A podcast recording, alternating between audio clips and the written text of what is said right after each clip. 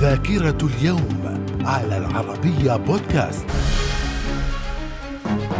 أهلا بكم مستمعينا الأعزاء ومن ذاكرة اليوم الرابع عشر من أغسطس من العام 1929 تأسيس الوكالة اليهودية في فلسطين والتي من مهامها جمع الإعانات المالية لدعم الحركة الصهيونية لإنشاء وطن قومي لليهود. من الذاكرة. وفي العام 1947 باكستان تستقل عن الهند بقيادة محمد علي جناح. في العام 1949 1949 الضابط سامي الحناوي يقود انقلابا عسكريا في سوريا ضد حسن الزعيم ويعدمه. في الرابع عشر من أغسطس من العام 1974 الجيش التركي يدخل العاصمة القبرصية نيقوسية في أعقاب الانقلاب العسكري الذي شهدته قبرص ووصول حكومة عسكرية من القبارصة اليونانيين إلى الحكم. وفي العام 1994 إلقاء القبض على الإرهابي الدولي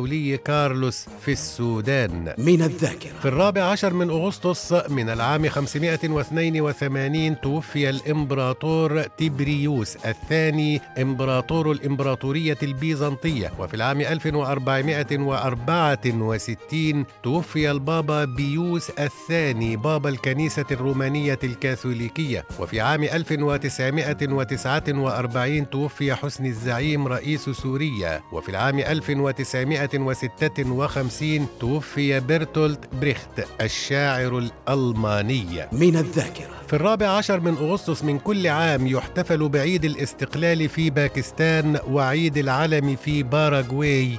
إلى اللقاء.